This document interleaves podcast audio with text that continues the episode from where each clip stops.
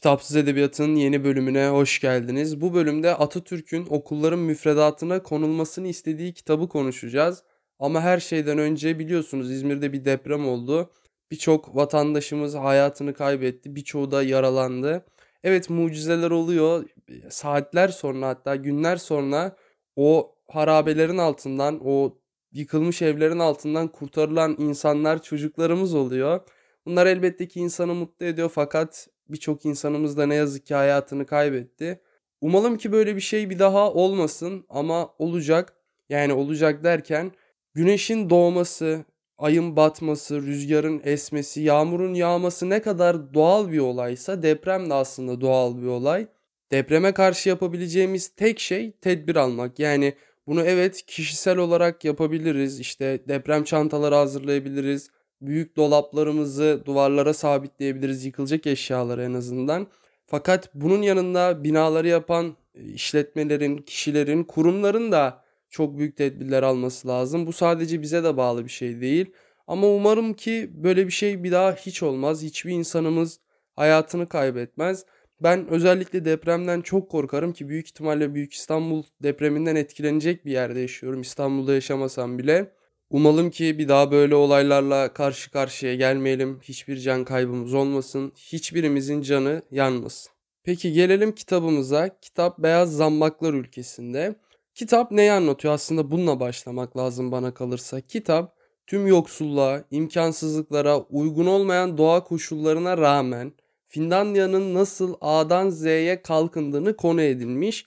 Kitabın yazarı Grigori Petrov aslında bir Finli değil, Finlandiya'ya sadece gidip geliyor yani oraya seyahat etmesi sırasında Finlandiya'nın nasıl kalkındığını ve bunu yaparken toplumun en alt tabakasından en üst tabakasına kadar nasıl yayıldığını anlatıyor.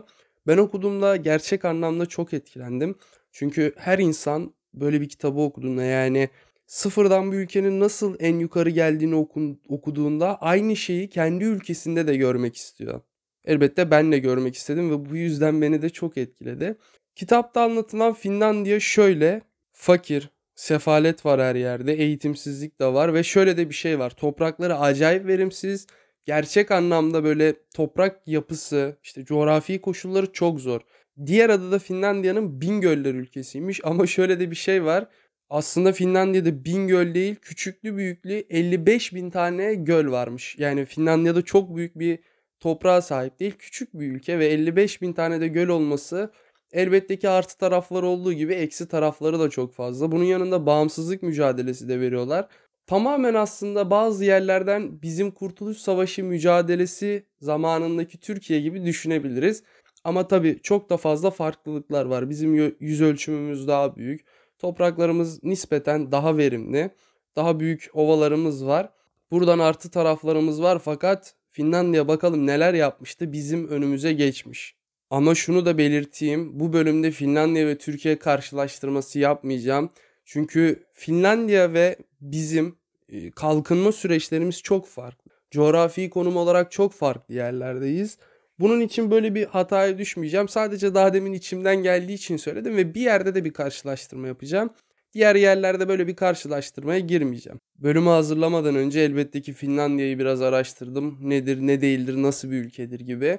İlginç bir istatistikle de karşılaştım açıkçası. Böyle bir araştırma yapmışlar. 1988'de, 2013'te ve 2019'da yapılmış bu araştırmalar. Yani benim bulabildiklerim bu kadardı. Yaşam kalitesini ölçmüşler. Mesela 1988'de Finlandiya 18. sıradaymış.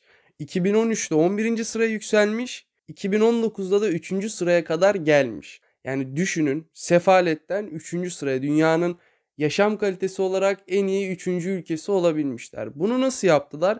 Elbette ki gökten bir nur inmedi üstlerine. Çok basit bir şekilde yaptılar. Sadece çalıştılar ve toplumun her tarafına bunu aşıladılar ve bu çalışmayı da bağnazca ve hayvanca bir şekilde yapmadılar. İnsanca ve insana yaraşır bir şekilde yaptılar. Gerekli her alana değindiler. Yani Bozuk neresi var mesela Finlandiya'da o zaman için eğitim. Gittiler eğitim sistemi üzerinde çalıştılar ki zaten şu an Türk öğrencilerin kafasında şöyle bir şey vardır ki bu benim de var. Finlandiya eğitim sistemi. Hayatımın bu kısmına kadar Finlandiya'da okumak istemeyen hiçbir arkadaşım olmadı. okumak istemeyeni geçelim bir tarafa da bırakalım da sokağa çıksak bugün Finlandiya'da yaşamak ister misiniz desek reddedecek insan bulmak gerçekten çok zor olurdu benim düşünceme göre. Çünkü zaten bizde böyle vardır işte Avrupa'da yaşam standartları bize göre daha büyüktür. Tabii hepsinde değil de gidip yaşamak isterdim. Finlandiya'yı da görmek isterdim. Çünkü yaşam kalitesi iyi de biz Finlandiya'ya bakalım. Dediğim gibi adamlar çalışmış. Bunu bir kişi olarak size şöyle örnekleyebilirim. Her şeyden orta derece yetenekleriniz var. Her şeye yani orta derece yetenekleriniz var veya bazılarına da işte hiç yeteneğiniz olmayabilir. Şimdi olduğunuz yerde durursanız büyük ihtimalle hep olduğunuz yerde duracaksınız ve rakipleriniz veya özendiğiniz insanlar sizi her halükarda geçecek çünkü çalışıyorlar. Fakat siz onların yerine yani onlar gibi çalışmaya başlarsanız hatta daha fazla emek sarf ederseniz büyük ihtimalle onlardan daha ileri geçebilirsiniz.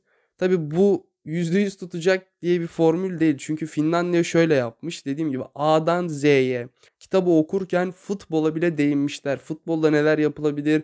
İşte gençler boş zamanında ne yapsın? Din adamlarının görevi, aydının görevi nedir? Aslında bu da çok önemli. Çünkü bizim Türkiye'de bana kalırsa pek bir aydın kültürü yok. Benim bildiğim kadarıyla da Türkiye'de Tanzimat döneminden beri bir aydın sıkıntısı yaşanılıyor. Benim kitaplarını okuduğum ve aydın diye nitelendirebileceğim insanlar var ama burada aslında benim görüşüm önemli değil. Kitapta aydının görevi nedir?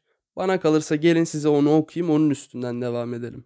Aydın olmak, gösterişli bir kıyafet giymek yahut kolalı bir yaka ve modaya göre şapkayla dolaşmak değildir. Aydınlar halkın beynidir. Halk bizi eğitimimiz bittikten sonra iyi maaşlı bir işe girerek akşamları lokantalarda oturmak veya sözde okuma salonlarında kağıt veya domino oynamak için yetiştirmedi. Bu hayatı yaşayanlar aydın değil, aydın süprüntüleridir. Aydın olarak sizlerin vazifesi halkın zekasını, vicdanını, irade ve enerjisini uyandırmak ve harekete geçirmektir. Halkın düşünme yeteneğini canlandırmak, işçileri, köylüleri ve toplumun alt kesimlerini daha iyi bir hayat kurmak için ne yapmaları gerektiği konusunda eğitmek. Sizin göreviniz budur. Okuduğum bölüm kitabın içinden bir parçaydı. Ben bunu aldım kendime göre bir aydın tanımı haline çevirdim. Ki bana kalırsa aydının görevi de bu olmalı. Yani iyi kıyafet giymeyebilir, iyi lokantalarda da yemek yemeyebilir ama iyi bir şekilde halkı yönlendirmeli, onu eğitmeli. Bunu yaparken de bana kalırsa böyle kahvehane muhabbetleri yapmamalı. Yani gençleri siyaset bataklığına değil de eğitime sürüklemeli. Yani kitap okutmalı, film izletmeli, tiyatroya teşvik etmeli, spora teşvik etmeli ki yani bir ulusun gençleri bana kalırsa ne kadar kendini bilirse, ne kadar bilinçli olursa o ulusun geleceği de o kadar parlak olur. Çünkü bugün doğal iş hayatının içinde olan insanlar bir 30-40 sene sonra da olmayacak. Fakat bugün ben, benim yaşıtımdakiler, benden biraz büyükler veya benden biraz küçükler bundan 40 yıl sonra iş hayatında olacak. Ülkenin siyasetine yön verecekler. Ülkenin iş hayatına yön verecekler. Şimdi biz ne kadar cahil, vasat olursak bu ülkenin geleceği o kadar karanlık olur. Biz ne kadar eğitimli olursak bu ülkenin geleceği de o kadar parlak olur. Elbette ki biz tek başımıza kendimizi eğitmemiz zor. Yani neredeyse imkansız. Çünkü karette karettalar gibi kumun altından çıktığımız anda da içgüdüsel olarak denize gidemeyiz bir yola ihtiyacımız var ve bu yolu çizmesi gereken insanlara da aydın deniyor. Bizim ülkemiz açısından konuşmayayım da Finlandiya'nın o zamanki ülkesinde bunu yapanlar var. Snellman adında bir aydın var. Onun aydın arkadaşları var. Aynı söylediklerimi, daha demin söylediklerimi fin Finlandiya'nın gençleri için yapmışlar ve başarılı olmuş. Başarılı olduğunu nereden anlıyoruz? yaşam kalitesi olarak dünyanın en iyi üçüncü ülkesi olmalarından. Sinelman da çok ilginç bir karakter. Tamamen kendisini ülkesine adamış ve çok da e, hayırsever. Hayırsever derken şöyle çalışmayı seven ve gençlere yol çizmeyi bilen bir insan. Bizim ülkemizde de var böyle de isim vermeyeyim yine. Birazcık bizim ülkemizde karşılaştırıyorum. Aslında bunu yapmamak imkansız. Bir gün belki biz de Finlandiya gibi olabiliriz. Bu kitapta dikkatimi çeken hususlardan biri de şuydu. Ülke yoksulsa nasıl kalkınır? Şimdi sıfır bir ülke düşünün. Bu Finlandiya'ydı zamanında. Şu an çok iyi. Peki bunu nasıl yaptılar? Yani bunun temelinde ne var? Bu yoksulluğu nasıl kırdılar? Sızlandılar mı yoksa gerçekten çalıştılar mı? Gelin bunu yine kitaptan alıntılar yaparak konuşalım. Ülke yoksuldur. Hem de her açıdan. Fakat çalışma enerjisi ve azmi kendi fakir toprağına olan bağlılık ve sevgi bakımından çok zengindir. Gördüğünüz gibi Finlandiya'nın üstüne gökten nur yağmamış veya işte piyango çıkmamış. Çalışma enerjisi ve azmi ve kendi fakir toprağına olan sevgileri onları bugünkü konumuna getirmiş. Şimdi bir tane daha bölüm var aynı bu konuyla ilgili onu da okuyayım size. Bizim kısmetimize bataklıklar ve taşlar çıktı. Fakat biz onları işledik ve uygar bir ülke kurduk diyen Finlandiyalılar bunu asırlık bir emek ve azimli çalışma sonucu elde ettiler. Demek ki isteyen yapabiliyor. Elbette ki bunlar kısa zamanda olmuyor. Fakat düzenli ve sistematik bir çalışma bunu size getirebilir. Kitap pek çok konudan ilginç. Pek çok şeyine de değinebiliriz aslında. Din konusunu ele almış mesela. Din adamlarının görevi. Din adamlarının görevini kitapta anlatılan şekilde size şöyle özetleyeyim. İnsanları karanlığa sevk etmek değil, Tanrı'dan, dinden korkutmak değil, onunla daha çok birleştirmek. Yani insanlar Tanrı'ya korkularından dolayı inanmasın. Tanrı'ya sevdikleri ve gerçekten sadakatle bağlı oldukları için inansınlar. Din adamlarının görevi bunları halka öğütlemek. Yani halkla, halka geriye gitmek değil de ileriye gitmek için yardımcı olmak. Eğitim sistemini konuşmaya gerek var mı bilmiyorum. Finlandiya'nın eğitim sistemi daha başta da söyledim bunu. Dünyada bir numaralı eğitim sistemlerinden biri. Gerçekten nitelikli insan çıkartıyorlar. Nitelikli insan üretiyorlar. Ki bizim gibi eğitim sistemi sıkıntılı olan ülkelerin örnek alması gerekiyor. Fakat Finlandiya eğitim sistemini alırken Finlandiya'daki gibi yapamayız. Bizim ülkemizin dinamiklerine uygun olması lazım bana kalırsa. Bakalım belki biz de bir gün Finlandiya gibi olabiliriz ama benim bu konuda umudum var. Bazen körelse bile bu umut er ya da geç böyle olacağımızı düşünüyorum. Bu kitap benim bugüne kadar okuduğum en ilginç kitaplardan biridir. Çünkü sadece toplumsal konulara dokunmuyor. Kişi bazlı konulara da dokunuyor. Mesela bunlardan biri çocukların nasıl yetiştirilmesi gerektiği ki bana kalırsa bunu iyi anlamamız lazım. Benim bir çocuğum yok. Yaşım daha çok genç. Fakat e, işte kötü yetiştirilmiş, ailesi tarafından sevilmemiş, hep böyle dışlanmış çocukların suç potansiyeli biraz daha fazla oluyor ve bu toplum için gerçekten sıkıntı çıkartabilen bir durum. İşte bunu önlemek için çocuklar nasıl yetiştirmeli onun da sorusu bu kitapta var.